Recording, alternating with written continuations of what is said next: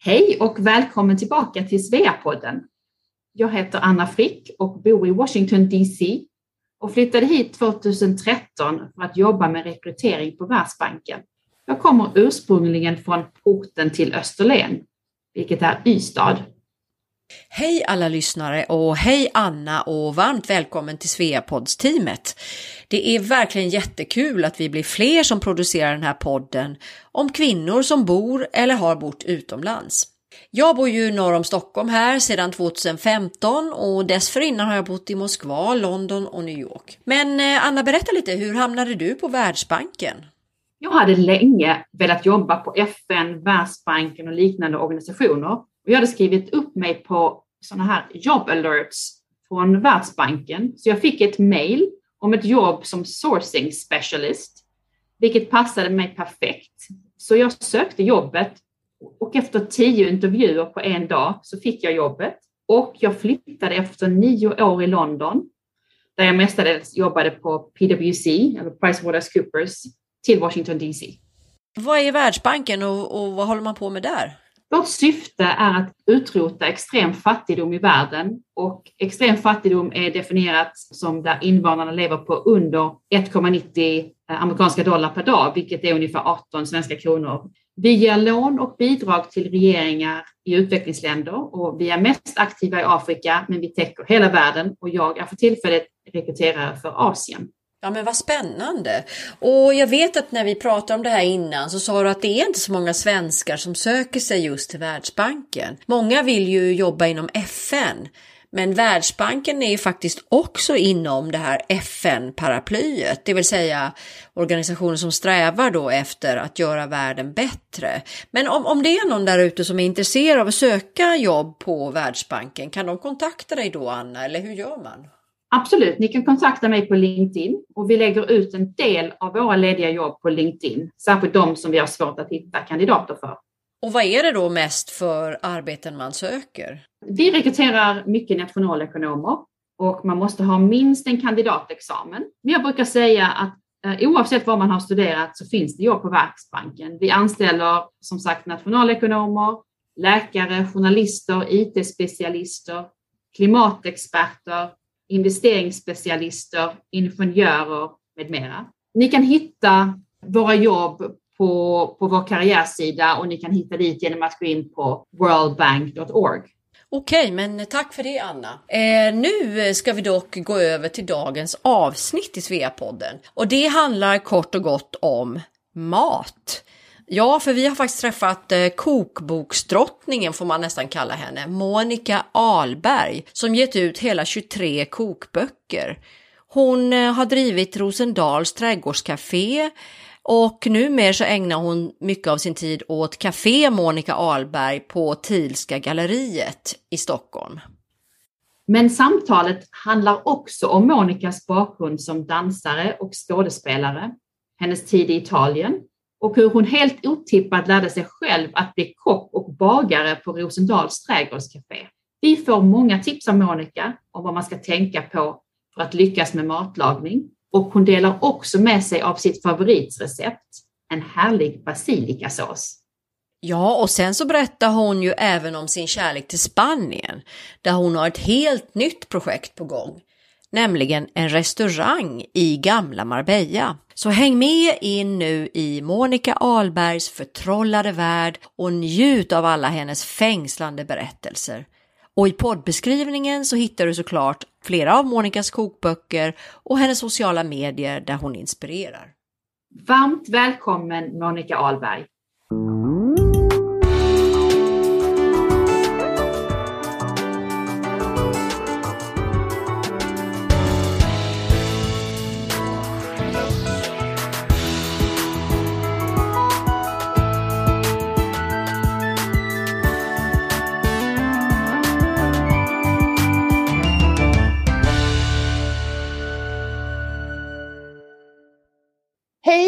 Jag heter Monica Alberg och jag jobbar med mat i alla dess former. Jag skriver kokböcker, håller kurser och föredrag. Och sen driver jag ju Café Monica Alberg på Tilska galleriet på Djurgården i Stockholm. Hej Monica, vad kul att vi fick eh, tag på dig här och få prata med dig idag. Så himla roligt och vi hoppas ju även att vi kanske ska få ett litet smakprov på något av dina bästa recept. Du är ju en kokboksdrottning som har skrivit 23 kokböcker tror jag som finns yes. ute i handeln. Det är fantastiskt. Ja, men mest eh, stolt kanske jag faktiskt är över min eh, första kokbok som ju faktiskt är den som startade eller förändrade all framtida kokboksutgivning. Nämligen Rosendals trädgårdscafé som kom 94. Eh, den är still going strong, kan man fortfarande köpa den? Precis vad jag tänkte säga och det bästa och roligaste är ju att den fortfarande säljer trots att det då idag kommer närmare 500 kokböcker per år. Men den, den håller stilen. Monica, du har ju skrivit din bok Monikas vardagsmat som är en blandning mellan Vogue och Hennes och Marit, vilket jag älskar. Kan du berätta vad detta innebär? Alltså just med den boken så ville jag ta tillbaka min position som kokboksdrottning får jag väl säga då. Det är ju så här att jag har ju eh, själv, precis som många andra, försökt att göra om den här eh, succén då med min eh, första kokbok och det visar ju sig att det, det går liksom inte längre att göra på det viset. Alltså när min första kokbok kom så kom det 12 kokböcker per år. Och det var ju såklart enklare då att utmärka sig eller att förändra marknaden. Nu är det ju inte helt enkelt för någon helt okänd idag alltså att komma ut med en kokbok för kokböcker får liksom ingen chans längre i eh, bokhandeln. De får en vecka på sig. Säljer de inte så åker de tillbaka till förlaget. Jag har ju haft tur för jag har ju haft en eh, ganska trogen publik får jag säga sen, sen min första kokbok. Men sen kände jag där innan Monikas vardagsmat att nu, vad är det som händer lite grann så här? Varför, varför är det så svårt? Och då tänkte jag så här, nu är det dags för en sån här stor pjäs igen. Men då var det också väldigt mycket, alltså egentligen så avskyr jag det där att människor pratar så mycket om att det ska gå så fort att laga maten och det ska liksom klaras av. Men sen så när jag liksom vände på den tanken och tänkte att det kanske inte är så dumt. Man kanske faktiskt kan göra riktigt god, enkel, bra och mat som är tillgänglig för alla, alltså på ett bra sätt. Och då kom jag på det här med liknelsen med Hennes och Mauritz. Alltså man kan ju, alla har ju säkert någon gång gjort ett fynd på Hennes och Mauritz. Och det var liksom det som var lite kopplingen mellan Hennes och Mauritz och tankesättet. Till, jag ville vinna en ny publik, ungdomar. Min trognaste publik är ju tanter och farbröder i min egen ålder och uppåt får man väl säga. Jag lyckades faktiskt med det. Alltså det, det här blev årets eh, studentpresent, eh, flytta hemifrån present och jag vann faktiskt en helt ny publik med den. Och sen kan jag väl avslöja att Monikas vardagsmat är den boken jag använder själv när jag ska ha middagar. Ah, vad bra att veta! Nu har jag en fråga till här. Kan ja. du berätta hur det kan komma sig att du lärde dig själv att bli kock? Och varifrån kommer den passionen och det intresset? Alltså, det började ju egentligen med kakor. Alltså eh, på Rosendal då, för det var inte så mycket mat. Jag kom ju på någonstans eh, under resans gång att min farfar var ju faktiskt bagare. Han hade ett bageri och det var aldrig annat än sju sorters kakor på söndagarna när vi var hemma där när jag var liten. Men det som är lite märkligt är ju att jag eh, gillar egentligen inte kakor. Jag gillar mat. så att alla de här kakorna som liksom blev min inkörsport till den här världen var ju egentligen inte riktigt det som jag själv ville äta. Det var ju så här att eh, mina kakor på Rosendal då när det begav sig liksom. Det var ju efter det glada 80-talet. Folk hade hur mycket pengar som helst, de kunde köpa vad som helst. Men de kunde inte köpa en bulle bakad med smör och kärlek. Eller en kaka bakad med smör och kärlek. Är det sant? Det fanns inte så mycket sånt? Det, det var ingen som bakade på riktigt. Det var liksom fluffmjöl och det var... Och det om du drar det till minnes så, så kan du nästan tänka efter. Hur var bröden egentligen som du köpte på ett bageri eller kakorna eller sådär. Det var liksom inte som när man bakade hemma. Så när man kom till Rosendal och fick de här hembakade kakorna, man såg att det var handens verk och de kanske var lite degiga i mitten och lite sneda och alla var inte exakt lika stora. Så jag, jag vågar ju säga så här att det blev ju succé från dag ett egentligen. Så om det kom, vi hade bara öppet på helgerna då. Och jag hade liksom övat mig på att baka un, under vintern, januari, februari och mars. Eh, det blev liksom, det kom kanske då första dagen, kanske det kom 20, första lördagen 20 personer. På söndagen kom det 40 personer. Nästa lördag kom det 100 personer. Och på söndagen kom det 200. Så fort gick det. Gudskelov så kom jag på ganska tidigt vad succén var. För jag blev ju naturligtvis bättre och bättre på att baka. Och kakorna kom ut mer och mer perfekta. Men jag förstod att det var inte det människor ville ha utan de ville ju ha de här hantverksmässiga kakorna. Så jag fick helt enkelt smasha till dem lite innan jag satte ut dem då på kakbordet så de skulle se sådär härligt hembakta ut. Och sen, som svar, det var ju kanske inte riktigt det du frågade, du frågade hur det kom sig och allting, men hade i bakhuvudet alla minnen från, mitt sista dansjobb nämligen var i Italien, jag bodde i ett år i Italien. Och det var där jag upp, upptäckte liksom basilikans dofter och också sättet att äta, att det var så rent. Var liksom, här var kött här var salladen och här var kryddorna. Det var, man njöt ju verkligen av precis allting och basilika fanns inte i Sverige då överhuvudtaget. Färsk alltså menar du? Nej, färska. Och jag vågar nog påstå att jag var den som tog de första basilikafröna till Sverige faktiskt. Wow. Och de satte vi i växthuset på Rosendal och det var ju en sån här formidabel glädje när man gick förbi den här basilikan och den, alla de här dofterna kom. Liksom. Och det var här det liksom det började lite med maten. Det var ju väldigt enkelt och det var någon soppa och lite sallad och sådär. Och så om man tänker efter så egentligen min första kokbok är ju en kakbok. Det är, det är väldigt lustigt att eh, det finns kanske 15 matrecept men vad alla säger Åh, din första kokbok. Och jag älskar den där buljongkokta oxfilén. Så det, och det är Rosendals Ja, det är Rosendals trädgårdscafé. Så att, men egentligen så är det ju liksom en kakbok med lite inläggningar och, och, kanske 15 maträtter. Maträtterna som är i den boken är ju ändå tillräckligt starka för att har gjort avtryck. Det finns en grönkålspaj och ja, det finns lite sådana här grejer som folk pratar om. Nu vill jag, nu vill jag ha den där kokboken. har du inte den? jag vet inte, jag har många av dig men jag vet inte om jag har just den. Ja, men det är faktiskt lite märkligt för att den har ju 900 000 människor. Oj, man kan ha den då, man har ju så mycket kokböcker. ja. Men du, berätta vad du gjorde i Italien där och hur, vad var det för typ av dans du höll på med där? All typ av dans höll jag på att säga. Det var i uh, ett direktsänt tv-program som heter Serata Donore. Och då fick vi dansa det som var beroende på vem som var gäst. Så var det till exempel Carla Fracci, då var, fick vi ju dansa på tå. Var det Stevie Wonder fick vi ju dansa hans musik. Var det Eros Ramazzotti fick vi dansa till hans musik.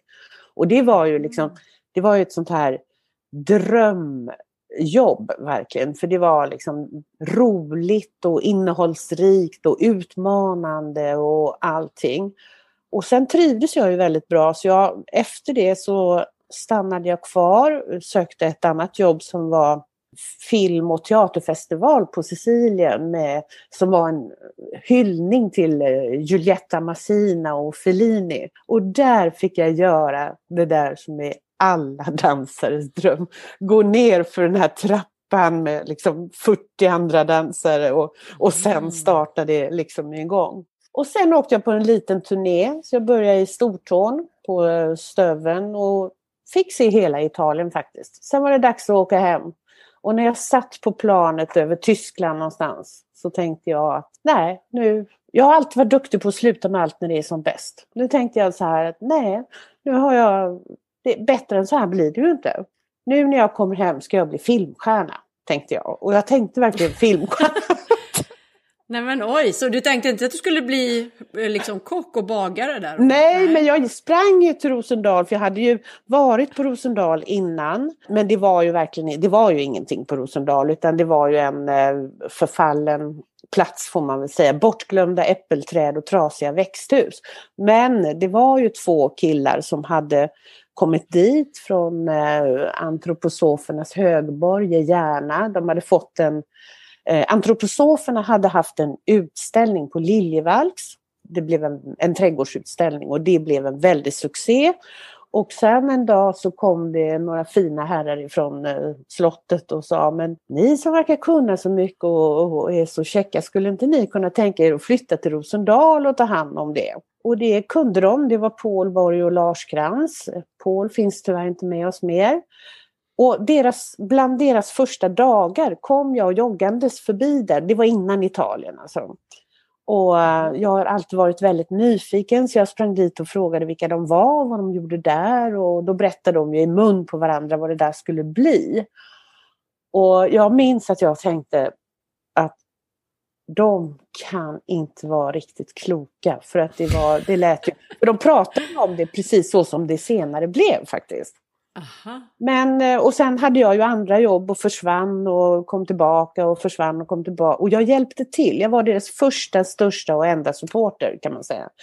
Mm. Så jag hjälpte till att gräva eller hålla en trasig ruta till ett växthus eller liksom mm. tjötade lite. Jag bodde ganska nära där då också. Mm. Och sen då, det var ju det längsta frånvaron jag hade när jag var borta ett år.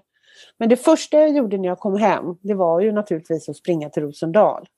Och då hade de faktiskt eh, sått ett frö till kaféet om man säger så. Det, det hade börjat en eh, tjej i, som trädgårdspraktikant som hade ett restaurangförflutet. Hon eh, hade bakat någon kaka hemma och så ställde man ut den på ett bord där bredvid kaffekannan och tekannan. Och sen fanns det en skål där folk kunde lägga pengar vad de tyckte det var värt. Och just den här dagen när jag kom så eh, då stod det faktiskt fem personer framför fyra kakbitar. Och det var ju en Oj. kakbit för lite. Och då stack Paul ut, för det var egentligen Paul som var den stora visionären för köket och allting. Då stack han ut huvudet där i växthuset och så sa han, men hej Monica, gud vilken tur att du kommer hem. Kom in här och hjälp till att baka. Och sen är det ju, för här är ju en extremt lång historia, här kunde hela historien vara slut, men det är nu det börjar liksom. Och jag märkte ju ganska snart att eh, det var ju inte bara det att ett litet café hade börjat eh, gro i växthuset utan eh, det fanns också lite kärlek mellan Paul och den här tjejen då som hade börjat baka hemma. Och det var ju underbart, men det var inte så underbart för Pauls fru som han bodde med där på Rosendal. Nej, så det var lite dramatiskt får man väl säga. Och eh, sen började ju alla känna liksom så här att men, det här kommer ju att bli något fantastiskt och det, det kommer ju verkligen att, att bli det här kaféet och det här, hela den här rörelsen som var ursprungsidén. Och då ville Paul och Gittan, som hon heter den här tjejen, eller heter, då, då ville de ta över kaféet och driva det. Men det var ju omöjligt för att det var ju kungen som eh, äger det till att börja med och det drevs som en stiftelse. Och då sa styrelsen att eh, ni får ta lite tjänstledigt och åka iväg ett år, vilket de gjorde. Det var då Lasse Krantz klev, klev fram och tittade på mig, nu får du hjälpa till här. Mm. Och då sa jag, ja, jag kan ju inte baka och jag ska bli filmstjärna. och, men jag gick ju och tänkte, liksom, hur, ska, hur ska det gå? Jag älskade ju platsen och jag älskade ju Rosendal. Och sen kom jag på en idé och då sa jag till Lasse så här, jag har en idé hur vi ska hitta någon som skulle kunna börja och baka här. Ja, sa han, vadå? Jo, men jag ringer till några bagerier det är därför jag vet att de inte bakade på riktigt nämligen. Så jag sa, jag ringer till några bagerier och så, så säger jag precis som det är. Att, Hej, jag heter Monica, jag är dansare, jag har en kompis som är trädgårdsmästare. Skulle vi kunna få komma och prya hos er? Och det fick vi faktiskt. Vi var välkomna till, eh, det var väl fyra olika ställen. Men det var en ganska sorglig historia får jag säga, för det var ingen som bakade på riktigt. Det var liksom konstiga eh, tillsatser och konstiga mjöler och smör. Det var ju otänkbart. Det var, ju, var det något sorts eh, matfett så var det ju, om det var margarin då var det ju liksom, då, annars var det ju något annat konstigt. Så det var, det var ganska ledsamt och vi var ganska deppiga. Men sen kom jag på en kille som hade ringt året innan jag flyttade till Italien. Han var bagare och han hade ringt och frågat om han fick ställa ut äppelkakor i växthuset på Rosendal. Och det fick ju han göra. Och då sa jag till Lasse, men han den där som ringde om äppelkakorna, han, man kan inte ha en utställning med äppelkakor om man inte bakar på riktigt. Nej, det har du rätt i, sa han då. Så då ringde vi honom och vi fick komma till honom också. Och där började det ju jättebra, alltså med smör och mjöl och vi skulle göra just äppelpajer då. Och vi stod där och gjorde allting och förbakade skalen. Och, och sen så säger han då till mig så här att Monica kan du hämta äpplena? Ja, visst, säger jag. Var ligger de? Ja men det är sådana där checka färdigskalade från Holland, de ligger i frysen.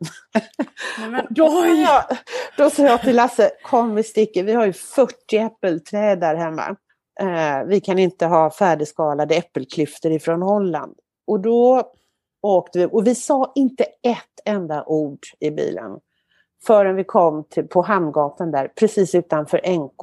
Och då tvärnitade Lasse bilen så sa han, nej nu vet jag bara en. Ja, vem är det då? Så jag. Ja, det är du. Ja. Men jag?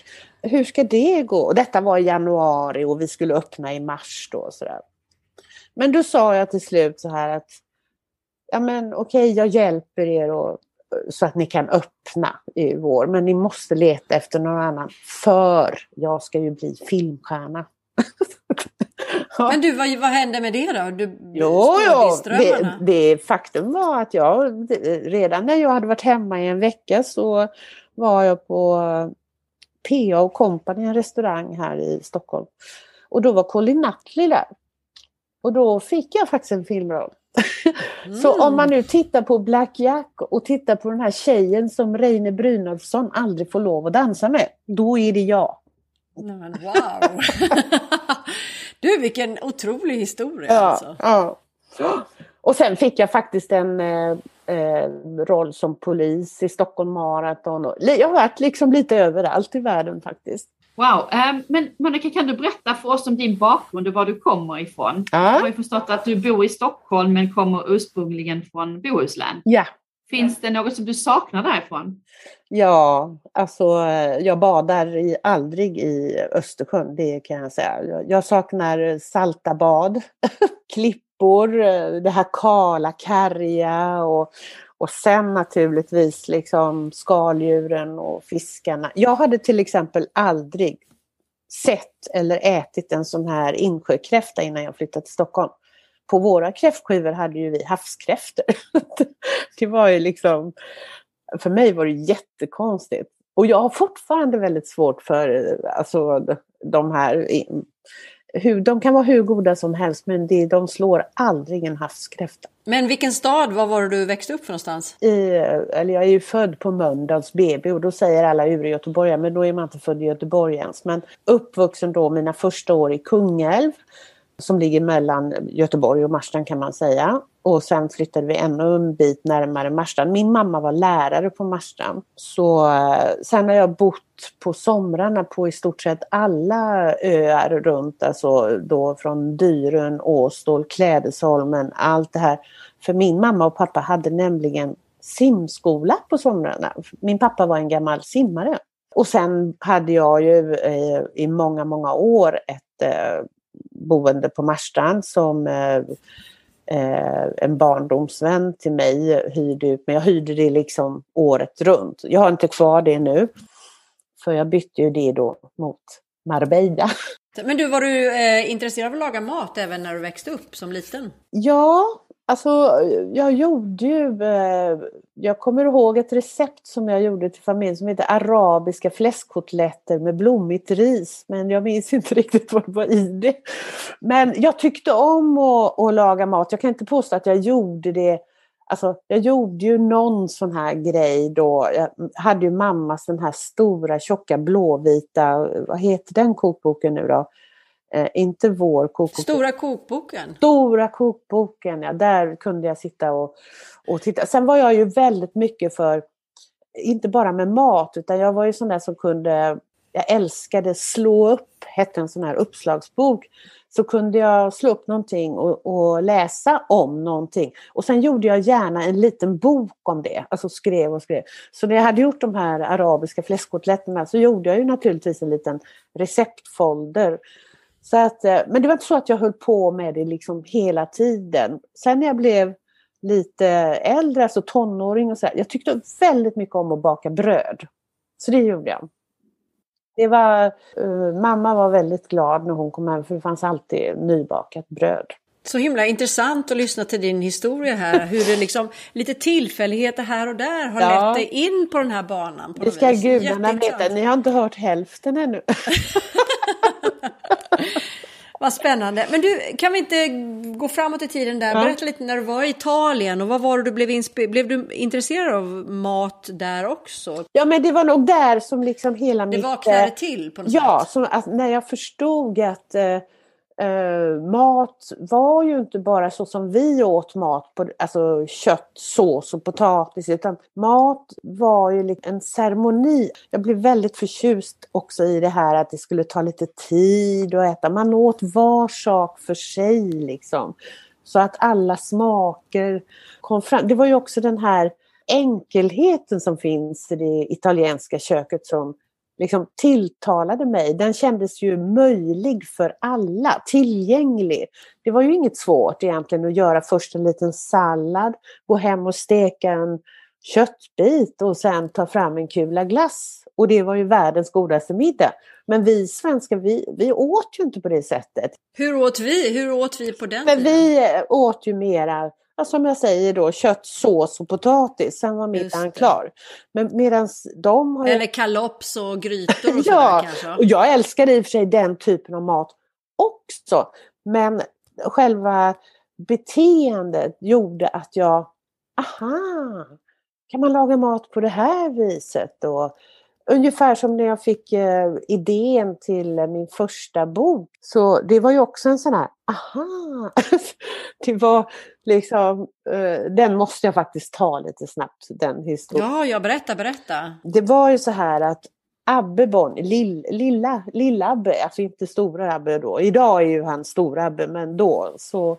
Vad heter han? Abbe Bonnier. Han eh, och hans eh, fru eh, Nalini och deras lilla son, man kan väl säga att de var Rosendals första stamgäster. De var, de var ju sådana där som kunde få kaffe fastän det var stängt och, och, och sådär. Och han sa ju väldigt tidigt till mig, men gud du måste ju göra en bok om det här. Och jag tänkte han kan ju inte vara riktigt klok. Först ska jag stå här och baka och jag, ska ju, jag är en dansare som har börjat baka i en trädgård och jag ska bli filmstjärna. Ska göra en bok nu också. Så jag, jag tänkte att nej, det, det, det, det, det struntar vi Men hur det än var så låg ju det här bak i huvudet på mig i ett par år. Och sen var då jag och min eh, dåvarande man och Bertil Taube och Mikaela vi var på en eh, bilresa i Europa och vi hamnade till slut på det här eh, La Colombe d'Or i Saint Paul de Vence. På Rivieran? Ja. ja, precis. Och när vi skulle åka hem därifrån så kunde man nästan inte gå ut i vestibulen för det var så mycket kartonger och lådor och ja, nu har ni redan förstått att jag måste fråga alla, vad är det där eller vad gör ni här? så jag sa ju då eh, till mamma då, för det drivs ju av en familj och det var mamman som stod där i receptionen då, så jag sa direkt att men vad är det här? Liksom. Och hon blev alldeles uh, uppeldad. Åh, det är våran bok, det är, den har precis kommit, vi har gjort en bok och hon var alldeles så här, ni måste ha ett exemplar med till Sverige. Och så tog hon upp en bok och så skrev hon till Monica från familjen Ro. Ja, visst, wow. och jag tog den där boken och sen när jag öppnade jag den här boken och det första jag fick upp det var en bild på ett naket fiskben, alltså helt avskalat, som låg på världens vackraste gröna tallrik. Och så var det ett recept där. Och då tänkte jag så här, men herregud, kan man göra en kokbok på ett fiskben och där är ett recept? Och så började jag bläddra vidare och då kom det ju teckningar och det var inte vilka teckningar som helst för det var eh, teckningar av en uh, ung Picasso. Han bodde nämligen på Colomdor men han hade inga pengar så han betalade med att då ritade han en teckning och så fick de det. Så det är ju fullt med teckningar. Och då tänkte jag, men gud och så här, så här. Och så åkte jag hem och då ringde jag till Abbe faktiskt. Och då så sa jag, han hade väl nästan glömt det här då för det här var ju två år senare. Och då sa jag, hej Abbe, det är Monica. nu har jag kommit på hur den här boken ska se ut. Och han blev ju så här, ja vad bra. Vi ses och äter en lunch, sa han då. Ja visst, sa jag då. Ja. Så jag cyklade ner, då skulle vi ses där på det här Birger bar. Det finns inte längre, men det ligger lågsnett mot Rish där i Stockholm. Just det. Så jag kom ju då och jag var ju så här ivrig liksom. Och han satt och väntade där och, och så sa jag till honom så här. Du förstår Abbe, den ska vara så stor så den inte går in i en bokhylla. Och pappret ska vara så fint så varenda fläck syns. Och sen tror jag inte faktiskt att det ska vara en matfotograf. Det ska vara någon modefotograf så att det blir helt nytt. Ja just det, och sen så ska det vara lite ritade bidrag och eh, bilder och tavlor och grejer från mina vänner. Och jag tittade upp på honom när jag var klar. Ja, vad sa han? Han var alldeles grön i ansiktet. Och han fick väl fram till slut så fick han fram någonting att ja, Monica, det, det, det, låter ju lite dyrt. Det var kanske inte riktigt så jag menade. Men, eh, och han hade ingen makt på den tiden. Så han sa så här att men, men samtidigt så jag, jag tror på dig och jag tror på Rosendal. Eh, det här har han förresten med alltid i sina egna föredrag idag när han åker världen runt. Mm. och då så sa han så här att eh, ja, jag må visserligen vara en Bonnier men jag har ingen makt. Så vi gör så här, du får komma upp på Bonniers och presentera det för de andra och de som har makt. Och det gjorde jag. Inte en gång utan tre gånger. Innan de köpte det? Liksom. Nej, det blev aldrig Bonniers. utan den tredje gången som jag var där då, för de kunde liksom inte säga ja och inte nej och det var väldigt liksom så här. Mm -hmm. Men den tredje gången jag var där så sa en eh, kvinna som hade väldigt stor makt då, men lilla vän, förstår inte du att Rosendals trädgård är en ren Stockholmsföreteelse och det där ekologiska, det går över. Och detta var 1993 då. Och så hon så sa hon också så här, kan du inte åka hem och göra en sån där liten trevlig bok som sju sorters kakor eller någonting. Men jag cyklade ju hem och sen så förlagsbranschen var, det var ju innan mobiltelefonernas eh, framfart och eh, förlagsbranschen var värsta skvallerbranschen så jag hann nästan inte mer än hem förrän telefonen ringde.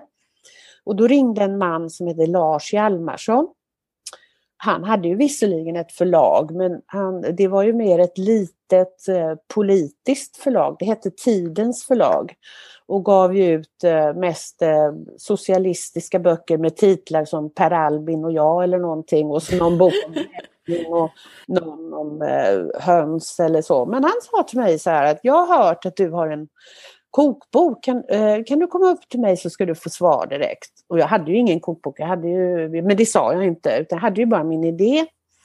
Men jag åkte dit i alla fall och sa exakt samma sak som jag sa till Abbe. Den ska vara så stor så den går in, inte går in i en bok och så vidare och så vidare.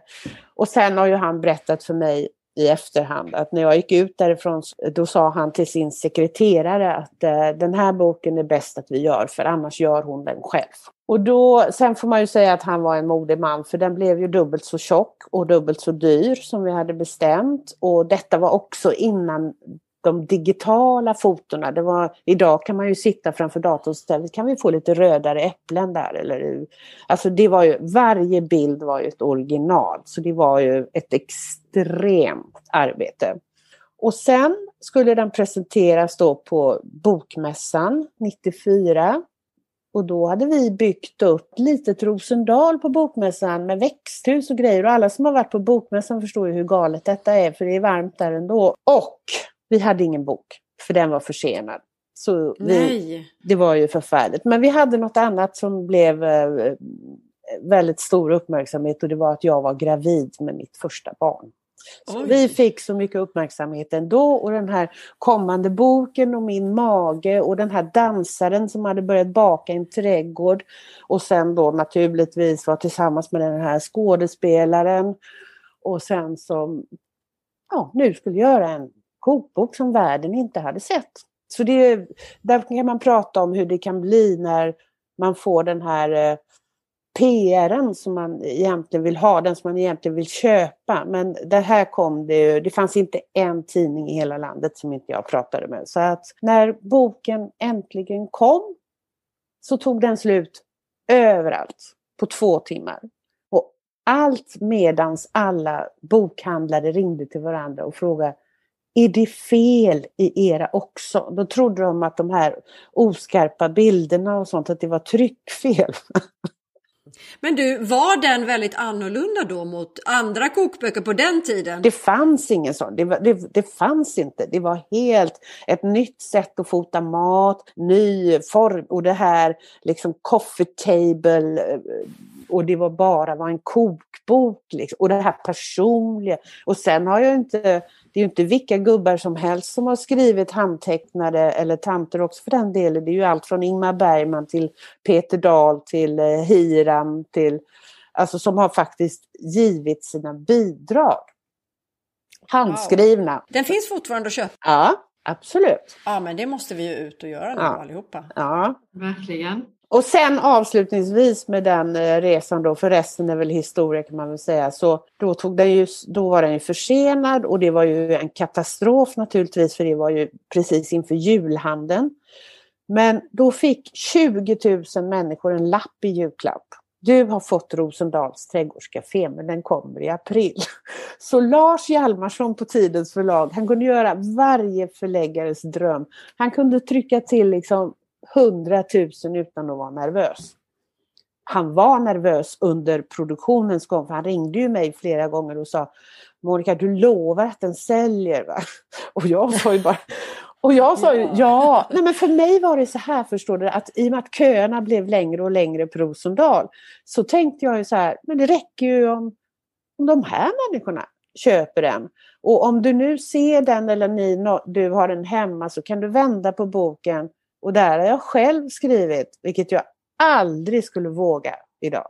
Det skulle bli en bok utöver det vanliga, det visste jag. Så började på boken. Wow! Nej, men vad häftigt Ja, alltså. Så det är faktiskt, eh, i mina mörkaste stunder, alltså du vet, så, som vi alla har, så tänker jag att nej men Monica, du har i alla fall gjort det. Jag har Ja, gjort det är en bok. fantastiskt. Får jag bara fråga, visst är det den där boken med röda äpplen Ja, på? ja. men då har jag den. Så du. Ja, då får du vända på den nu när du, Ja, så jag läsa göra. vad jag har skrivit.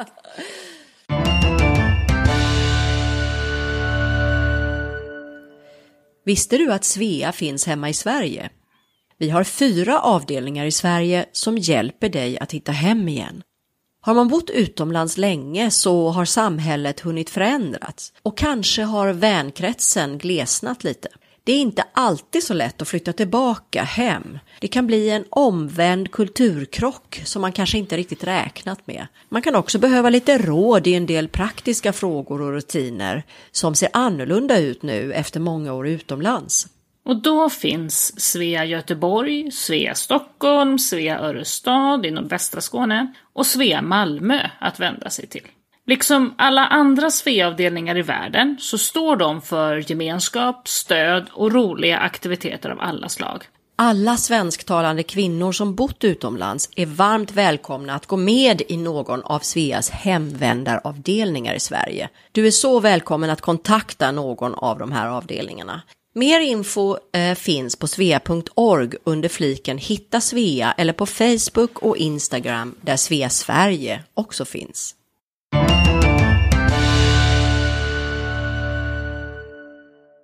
Mitt första stopp när jag kommer till Stockholm kommer att vara det Tillska galleriet. Det verkar ju ha intressanta konstutställningar och sen så är det då, finns det då också en, eh, en restaurang som drivs av dig. Ja, absolut. Eh, Och, och i museibutiken kan man också köpa en av dina, eller flera av dina. Nej, man köper, de köper man i kaféet visserligen. Det köper Ah, man kafé. mig. Ja. Men vad, för slags mat kan man förvänta sig på Tillska galleriet? Och hur kommer det sig att du driver detta café? ja, eh, det är också en sån här konstig historia. Det är, jag bodde ju eh, i stort sett granne med Tylska galleriet förut. Det var ett ganska sovande museum får man väl säga och jag hade fått den här frågan i tio år. Att kan inte du ta hand om Tilska galleriet? Jag hade ju slutat på Rosendal. Jag slutade på Rosendal från en dag till en annan för jag kände att helt plötsligt att jag var på väg till jobbet.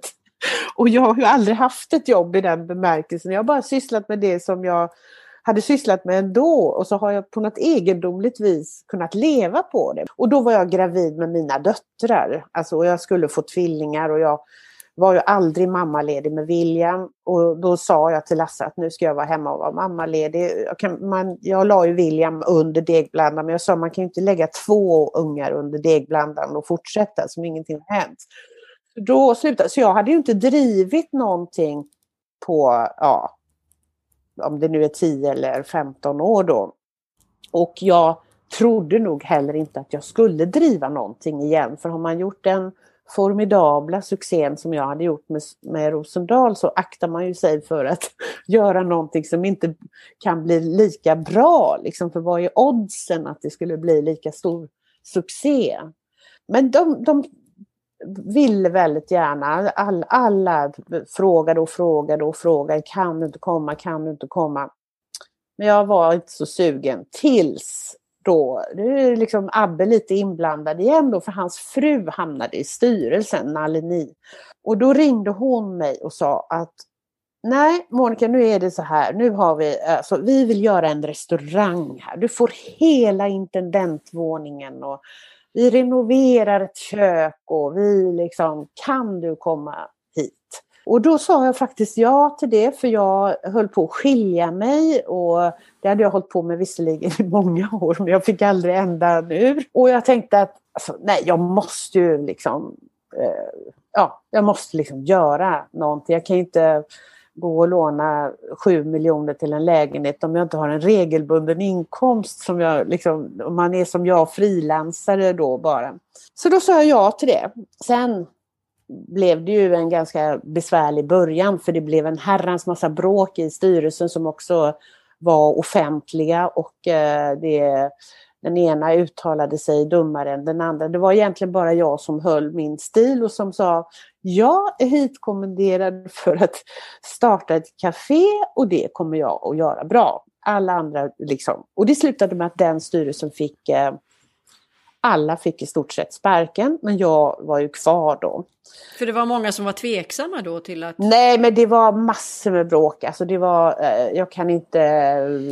Det, det var bråk om allt. Alltså det, var, mm. det hade inte så mycket med mig att göra, men det, automatiskt så blev det ju så att jag hamnade i fokus, för det skulle ju då läggas en massa pengar på ett restaurangkök och och Lasse Krantz satt i styrelsen och han då ansågs vara jävig för vi hade, alltså det var inte klokt, det var kaos. Mm.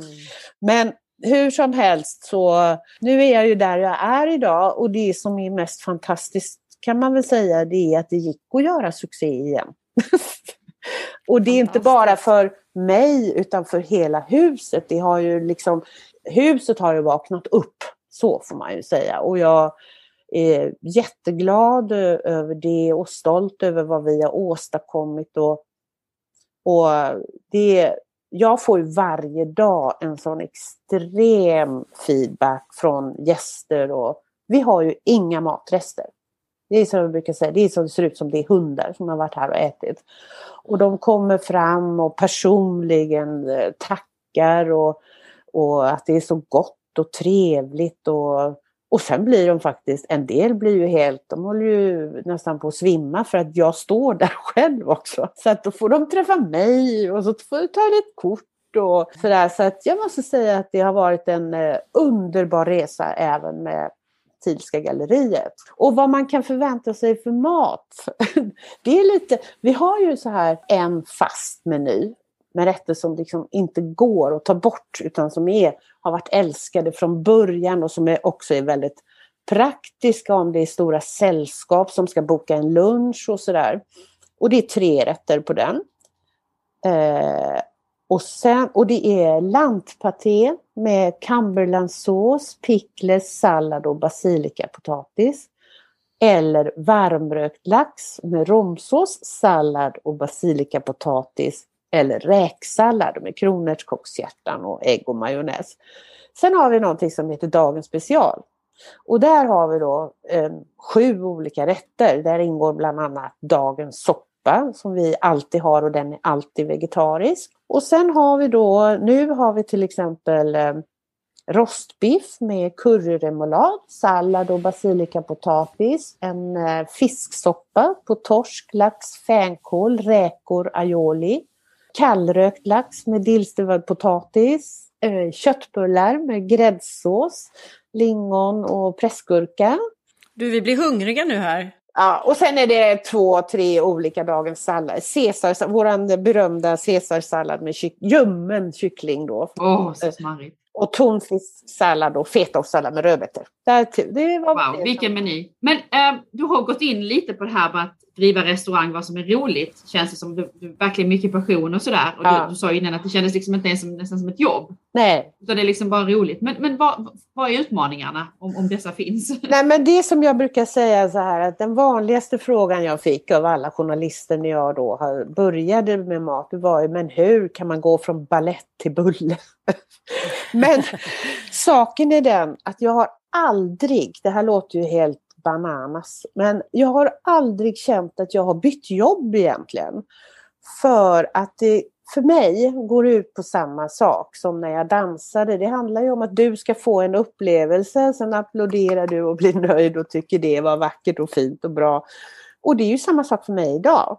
Du ska få en upplevelse av maten och sen så kommer du till mig och säger att ah, tack, det var jättegott, det var den bekräftelsen och sen är allting bra. Det handlar om att ge, eh, ge dig en upplevelse, sen oavsett om det är att jag dansar eller om jag bjuder dig på en maträtt eller en kaka eller vad det är. För mig är det exakt samma sak. Jag känner mig som jag står på en scen också varenda dag. Det är ju liksom inte något konstigare än så. Det är, så att jag, jag har aldrig liksom Nej, jag har aldrig känt att jag har bytt jobb egentligen. Men du, var får du inspiration ifrån undrar jag? Och den här kreativiteten du har, var, var kommer det ifrån? Nej, men jag tror, dels är det ju så att jag alltid eh, älskat att skapa. Om ni skulle se så här. Jag kunde lika gärna bli trädgårdsmästare. Va? Jag, jag har alltid tyckt om att göra saker, skapa. Jag hade lika gärna kunnat bli trädgårdsmästare eller keramiker. Eller, för mig är det ju väldigt viktigt hur maten ser ut. Alltså, ser det gott ut så är det gott brukar jag säga. För att det är ju faktiskt så här att jag har ju varit med om att folk har tackat för maten innan de ens har smakat och sagt att det är gott. Men det är bara för att de har sett då ett dignande, vackert buffébord. Sinnet säger då, men gud vad vackert. Men då säger människor, men gud vad gott. Fast de inte ens har smakat. Så att jag har hela tiden haft det här estetiska liksom i mig. Och det spelar liksom ingen roll egentligen om det är mat eller blommor eller, eh, eller vad det är. Sen är det klart, jag gillar ju att äta, jag älskar god mat och ett glas vin och samvaro. Och, och, eh, jag är inte så noga med lunch och sånt där, men middag, det, går, det, det äter vi. Det, det, så har jag alltid sagt. Även när barnen var pyttesmå så skulle vi samlas liksom kring middagsbordet. Men du, jag måste bara stanna vid det där med kreativitet, för jag tycker ändå är väldigt, väldigt, väldigt intressant. Mm. Hur föder man, en del människor, ibland träffar man folk och säger så här, ah, men jag har inga idéer, jag vet inte vad jag ska göra. Alltså hur föder man sin kreativitet? Går du på massa andra restauranger eller läser du massa kokböcker eller Nej. reser du mycket eller hur gör du? Alltså jag tror att det där är en talang man måste ha. Det är, det är ingenting du kan lära dig liksom. Eller det som jag brukar säga, nu kommer jag på två saker här, men om jag är ute och äter på en restaurang och det inte smakar särskilt bra, då är det liksom avsaknaden av kärlek till det man gör.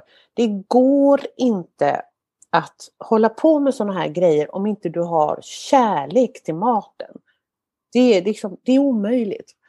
Och jag brukar också säga, jag kan lära vem som helst att laga en skitgod soppa eller maträtt. Det är inga problem för mina recept är klockrena och de går att ändra och ändå blir de bra. Men jag kan inte lära vem som helst att baka. Det är omöjligt. Därför bakning, det är en eh, kemisk process. Och inte ens för mig så blir det ju då, vi säger att jag skulle baka morotskaka varje dag här. Den blir aldrig exakt likadan. Och det går inte att göra det på exakt samma sätt för det har så mycket med att göra luftfuktighet och vad det är för väder och regnar det ska man ju inte baka torra kakor till exempel för de blir bara alldeles sladdriga. Utan du måste, ska du bli bra på att baka så måste du ha det i handen. Och det märker jag ju direkt när det kommer någon som söker jobb. Eller, alltså jag märker det på tre sekunder. Så det är svårare att baka än att laga mat? Ja, det är svårare att baka riktigt goda kakor än att laga en riktigt god soppa. Så skulle man kunna säga. Mm. Men sen gemensamt för allt det här är ju att är det inte riktigt bra, då beror det på att det inte finns någon kärlek i det man, man gör. Och det som jag säger till alla mina anställda, att ni kan inte servera någonting här, en macka eller kaka eller maträtt som ni inte själva skulle köpa för det dubbla priset. Och då brukar det bli ordning på grejerna. Vilken bra sätt att tänka. Ja. Du, vi hade en fråga här. Vi tänkte så här, eh, kanske är någon som lyssnar som funderar på att bli kock eller, ja, eller bara vill laga en god middag mm. hemma eller starta restaurang. Vad, vad är dina bästa tips där? Slarva inte. Eh, det, är ju, alltså, eller som det jag sa, gör en, bjud inte på någonting som du inte skulle äta själv och betala dubbla priset för. Jag skulle ju aldrig drömma om att servera någonting som inte jag själv tyckte var jättegott. Och sen märker jag också ett stort eh, glöm inte att smaka på maten innan du serverar den. Alltså det handlar ju bara om det att är det bra, smakar det gott, är det liksom Sen är det ju såklart så att alla har ju inte förmåga att eh, avgöra om det är tillräckligt med salt eller tillräckligt med peppar. Det, men det är ju detta som är en del av talangen.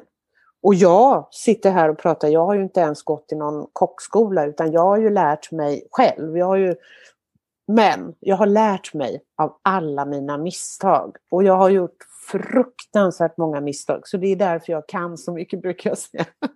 Ja, så det är bara att prova på och prova sig ja. fram så blir vi kanske alla bättre då. Vi... Ja, men framför allt att man måste liksom gilla det man gör. Man måste lägga ner sin själ i det. Man kan inte... Jag ser ju, jag har ju också olika anställda. Alltså, jag kan säga om jag tittar till exempel på ett upplägg av en maträtt eller sallad. Jag kan säga vem som har gjort den av mina anställda jag vet vem som har lite mer det som jag har och vem som inte har. Och det säger ganska mycket. Det, har man inte det här liksom, lilla extra så blir det heller inte det extra för kunden eller gästen. Du har ju fått utmärkelser från både Måltidsakademin och Gourmand World Cookbook Awards och kanske senaste första platsen i kategorin favoritrestaurang av Stockholms museum. Ja. Vad betyder de här utmärkelserna? Nej, men det är klart att det är jätteroligt. Det är ju en uppskattning och framför allt så är det ju eh, alltså vad det gäller då. Jag har fått flera utmärkelser på, för restaurangen på Tilska, alltså till och med internationella och nu fick jag ju första platsen i år där på den här men jag har kommit tvåa och trea förut också. Men det är jag särskilt glad över för det, det där försöker jag liksom att säga till mina anställda att eh, det här priset är ju till er. Liksom. Sen vad det gäller priset för mina böcker och de, de är ju liksom lite mer individuella eller med tv-program eller vad det är. Men självklart så blir man ju jätteglad. Det är ju, det är, alla tycker väl om att få ett pris eller få liksom uppskattning. Du, nu när vi pratar med dig här så tänkte vi att eh, alla vill ju såklart veta vilket som är ditt favoritrecept all times liksom. Ja, det är den näst vanligaste frågan jag får. Och då har jag ett svar som jag har sagt nu i alla år att det går inte att svara på det. Det är som att säga vilken kärlek som är störst och vilken blomma som är vackrast. Utan det är ju en, en humörsfråga. Alltså vissa dagar till exempel så, jag äter ju mest fisk och skaldjur och eh, sådär. Men vissa dagar så känner jag redan när jag vaknar att idag måste jag ha en blodig biff. Liksom. Alltså då är det bara så, då får det bli så den dagen. Och eh, andra dagar så är det liksom, är man sugen. Det är ju liksom det mer vad man är sugen på. Men vad jag kan säga rent generellt vad det gäller recept så eh, har jag ju kommit på genom åren. Särskilt då i början när jag liksom vet, innan, när jag gjorde mina recept i början, jag, jag, jag stod ju och provlaga och provlaga och provlaga och höll på och höll på. Men så kunde jag inte fortsätta sen när jag gjorde så många recept utan nu har jag ju blivit sån att jag kan liksom, ja nu ska jag leverera ett recept på lamm. Ja, då börjar jag tänka så här, lamm måste vara med. Vad är gott med lamm? Och så skriver jag upp allting som passar och sen så stryker jag och så går jag tillbaka och så. Och sen lagar jag det och så plåtar vi det och sen är det klart. och jag kan tycka att eh, recept generellt, det var egentligen det jag skulle säga att eh, det finns ju så många recept som är onödigt krångliga. Jag har ju alltid strävat efter enkelheten. Och nu är det klart, nu är jag ju ingen stjärnkock eller finkock på det viset. Men det finns ju faktiskt en jädrans massa moment som de håller på med som inte är nödvändiga. Det kan bli gott ändå. Och jag skulle säga att mitt favoritrecept är, ett, är ett eh, lättlagat, vackert och gott.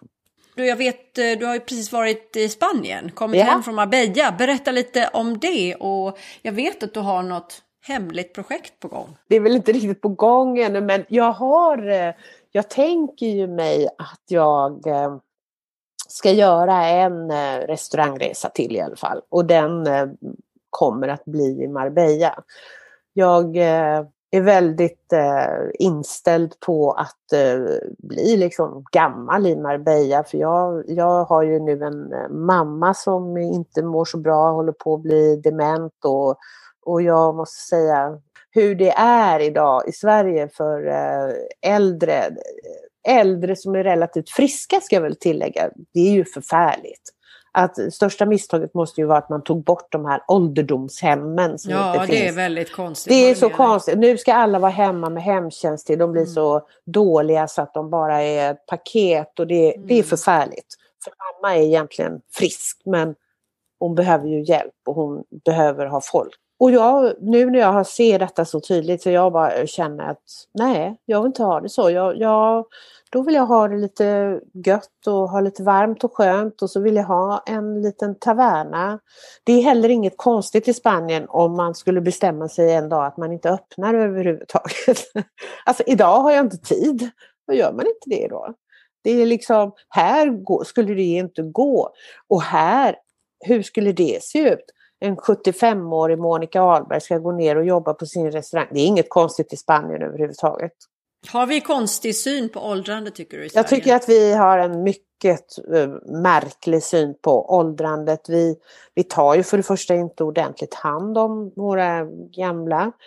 Vi ratar dem på något sätt också. Vi exkluderar dem ifrån saker som de egentligen absolut skulle kunna vara med på. Och, ja, jag, tycker det är, jag, jag bor ju på en spansk gata i Gamla stan. Och där bor ju då eh, tandlösa tanter med hela sina familjer och småbarn. Och de bor eh, ungefär lika stora hus som jag har. Eh, och de är 10, 11, 12 personer. Och den här, eh, framförallt en tanta som alltid sitter ute på gatan. Hon har inte en tand i hela munnen men hon är alltid glad. Och när jag kommer hon blir så glad när hon ser mig. Och efter pandemin mm. när jag inte hade varit där på ett och ett halvt år. Hon bara Monica! det, det existerar inte i Sverige. Vi visar inte så mycket känslor kanske. Så. Nej, vi har ju inte heller den mentaliteten såklart. Och sen, sen är det klart, jag brukar säga det när jag är i Spanien och det är varmt och skönt. Det är klart, det är ju enklare att vara glad och mysig här än, än hemma i det där gråa novemberköret liksom. Men, vad, är det som, vad är det som har lockat dig just eh, till Solkusten där? Är det solen eller? Eh, nej, men det var så här faktiskt att eh, det var ju då, alltså jag, hade, har, jag har ju haft mitt boende på Marstrand i eh, ja, 15 år, 20 år kan man väl säga. Men sen när det blev då med att det blev lite svårare att eh, vara lite flexibel hur jag kunde åka dit, alltså när jag höll på att bygga upp liksom Tilska. Då kunde jag ju egentligen bara åka när det var omhängning eller bestämda veckor så här. Och de sista två åren så lyckades jag ju pricka in eh, helvetet i manna minne om man ska tala om väder. Alltså var det sol, då var det storm. Då kan man inte åka båt. Jag är ingen sån som ska, gillar att sitta så här på båt. Utan jag vill åka båt när det liksom är trevligt. Och var det då inte storm, då regnar det. Och vara då på Marstrand som ju också är en ö med allt vad det innebär. Alltså jag älskar Marstrand. När Marstrand är bäst då finns det ingenting i hela världen som är som det är. Och jag joggar runt ön varje morgon. Och, men det har ju det bästa av alla världar och när det är vackert väder och sälarna hoppar och hit och dit. Alltså det finns ju inget sånt. Det är ju världsklass. Men när det inte är så, då är det faktiskt ganska besvärligt. Dels är man ju då som sagt på den här lilla ön som man går runt på 40 minuter och sen är det klart. Och så finns det ju egentligen, ja det finns ju några affärer men, och sen finns det bara restauranger så vad kan du göra? Ja du kan gå och sätta dig och äta lunch på en restaurang i regnet. Och sen kan du då gå och sätta dig och äta lunch på en annan restaurang på middag i regnet. Eh, det blir väldigt, alltså jag kände så här att jag kan inte ha det så nu om jag har så liten ledighet. Nu vill jag veta att det är väder, det är något nytt. Det är... Och då tittade jag först på Mallorca, men det, där bor ju hela Stockholm så jag tänkte ve och fasa, gud vad hemskt. Ska man träffa samma människor som jag träffar på Karlaplan i, i, på Mallorca? Det är, det, och sen var det ju förfärligt dyrt. Det var ju så dyrt så jag kunde inte ens eh, alltså, tänka vad jag skulle kunna köpa liksom så dök Marbella upp och jag hade ju inte varit i Marbella på, ja, alltså då när det begav sig i Marbella, så jag tänkte Marbella, alltså jag, min första tanke var ju lite så här, men det måste ju vara väldigt sunkigt. Men då åkte vi dit i alla fall. Och jag måste säga att jag blev eh, förälskad direkt. Alltså det var ju helt, det var ju, det var ju inte klokt och sen när man började titta på vad som var till salu och liksom så här, det var ju, och det var ju helt andra priser än på Mallorca och det var ju, nu tog det ganska lång tid innan jag hittade det som jag ville ha. Jag frågade hela tiden alla mäklare, jag vill ha något shabby chic och jag vill bo i stan och nära stranden. Och du vet, de förstod ingenting. De var shabby chic, de visste inte. Men till slut så kom det. Och, eh, så jag bor alltså tre minuter från stranden, tre minuter från Apelsintorget i Gamla stan på en spansk gata utan bilar och utan affärer. Men med spanska människor. Vad är det du gillar i den spanska kulturen? Berätta.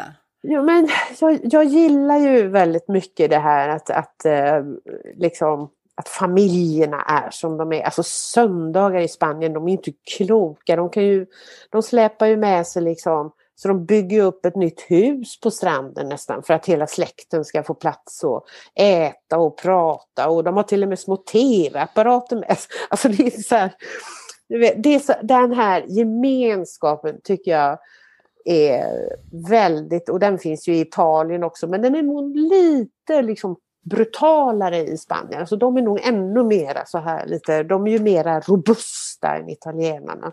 Precis som maten är mera också bam. Liksom. Den italienska maten är ju lite försiktig om man jämför med spanjorernas. Liksom.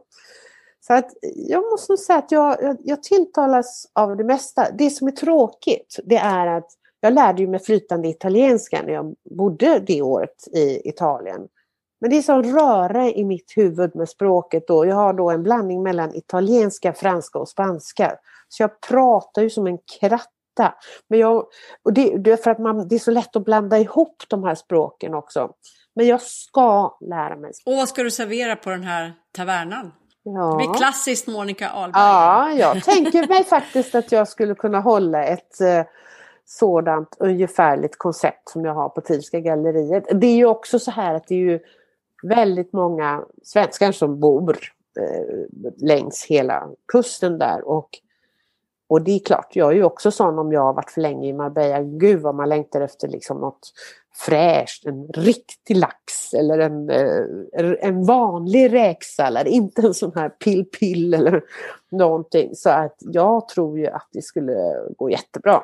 Och ja, köra ungefär samma koncept. Och när kör du igång där? Två år kanske. Spännande. Vi, vi håller ögonen öppna. Ja. Verkligen. Jag undrar Monica om du har haft någon tidigare erfarenhet av organisationen Svea och i så fall vad? Ja, eh, eh, jag har väl hållit föredrag på Svea-träffar faktiskt. Flera gånger tror jag. Men det är ganska länge sedan nu. Okej, okay. i Stockholm eller? Ja, i Stockholm. Har inte nått utomlands, nej. Men jag förstod ju att ni fanns i Marbella också. så jag kanske... Jo då, vi har en eh, Absolut. fin avdelning, det måste du connecta med jag dem. Får, jag får gå med då. Absolut, ska bli medlem. Men du, ehm, det var ett fantastiskt spännande samtal här med dig. Jag tänkte bara som avslutning här. Eh, vi har en ny trend här att vi vill fråga folk om de har någon, något livsråd eller motto som de kan dela med våra lyssnare. Va, vad säger du om det? Jag säger det igen, glöm inte kärleken i vad du än gör.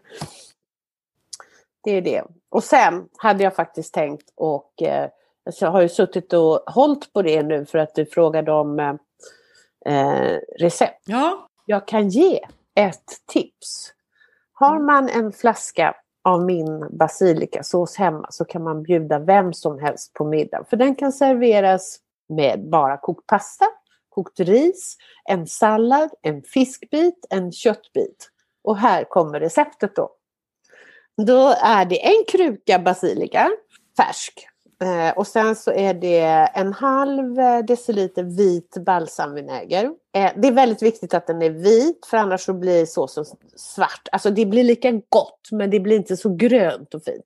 Och sen är det en och en halv deciliter mild olivolja, inte en för pepp depprig sån här sak. Och sen 3 till 4 vitlöksklyftor.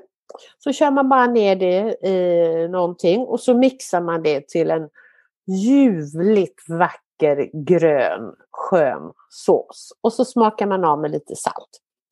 Och den går till allt. Härligt! Mm. Du, eh, hur följer man dig på sociala medier? Jag har en Instagram som heter Monica Ahlberg, kort och gott. Sen har jag en, jag är väldigt dålig på Facebook måste jag erkänna, men jag har en Facebook-sida som heter Monica Ahlbergs mat. Och sen har jag en hemsida som heter monicaahlberg.com. Och där finns det recept då? Ja, det måste jag säga att jag har, där, jag är ju lite så här, där jag är mest aktiv, det är Instagram. För det är så mm. enkelt och det är så, det går, det passar in i mitt uh, busy life. Men, uh, och lägger du recept där också som man kan? Ja, ja, ja. Absolut. Och dina böcker de, de hittar vi som sagt i bokhandeln och online och överallt? Ja, det är, online finns de ju absolut. Och jag uh, skulle ju börjat en kokbok där precis när pandemin har, har ju världens bästa idé om en kokbok. Och dessutom, Vad är det för något? Ja, det tänker jag inte säga för då är det ju någon annan som gör det. Men jag kommer att göra den. Men eh, då, särskilt då, för vi, då stängde ju Thielska galleriet i två månader och jag tänkte perfekt! Liksom. Nu har jag ju massor med tid då. Men det, jag vet inte vad som hände. Det, det, det gick inte. Jag vet inte ens vad jag gjorde de två månaderna. Jag satte ju mig ner och skulle börja och det gick inte. Alltså man blev ju helt eh, förlamad alltså på något sätt mm. vad det gällde.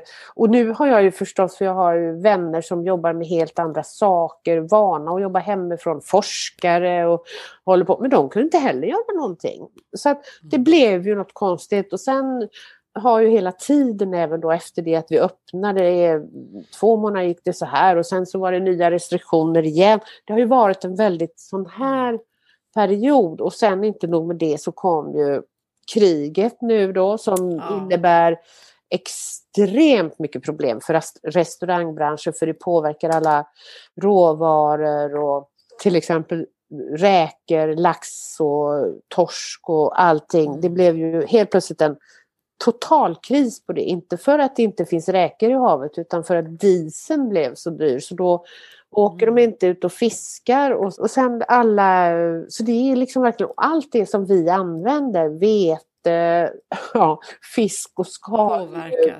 Jag måste säga att jag, jag, jag är lite jag tycker att det räcker nu faktiskt. Ja, det, det är nog vi nog många som tycker. Ja. Vi får bara hoppas att det här är slut snart, det här hemska kriget. Usch. Ja, Men eh, nu, nu kommer ju snart sommaren så vi har ju ändå faktiskt någonting att se fram emot, eller hur? ja. Verkligen. Men eh, jag, jag kommer ta med mig att, eh, att vi inte ska glömma kärleken Monica. Det, det stannar hos mig. Nej, och det, menar, och det menar jag faktiskt i allt man gör. Lagar mat, Ja. bakar eller hur vi bemöter människor eller eh, gäster. Alltså, finns det inte med någon kärlek, då kan man lika gärna strunta i det som jag brukar säga till mina anställda.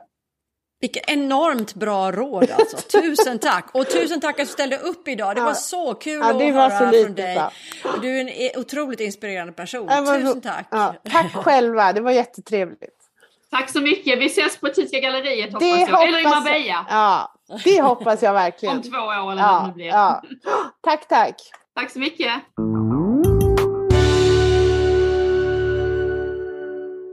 Tack för att du har lyssnat. Den här podden är inspelad och producerad för Svea International. Musiken är skriven för Svea av Fredrik Åkerblom. Alla vi som på olika sätt är involverade i produktionen gör detta som en del i vårt frivilliga engagemang för Svea. Sveapodden finns på de allra flesta ställen där du hittar poddar. iTunes, Google Podcasts, Spotify, Acast etc. Om du saknar något poddställe så skicka ett mejl till sveapodden gmail.com. Mer information om Svea hittar du på vår webbplats svea.org och i sociala medier så finns vi på Facebook, Instagram och LinkedIn och där hittar du oss som Svea International.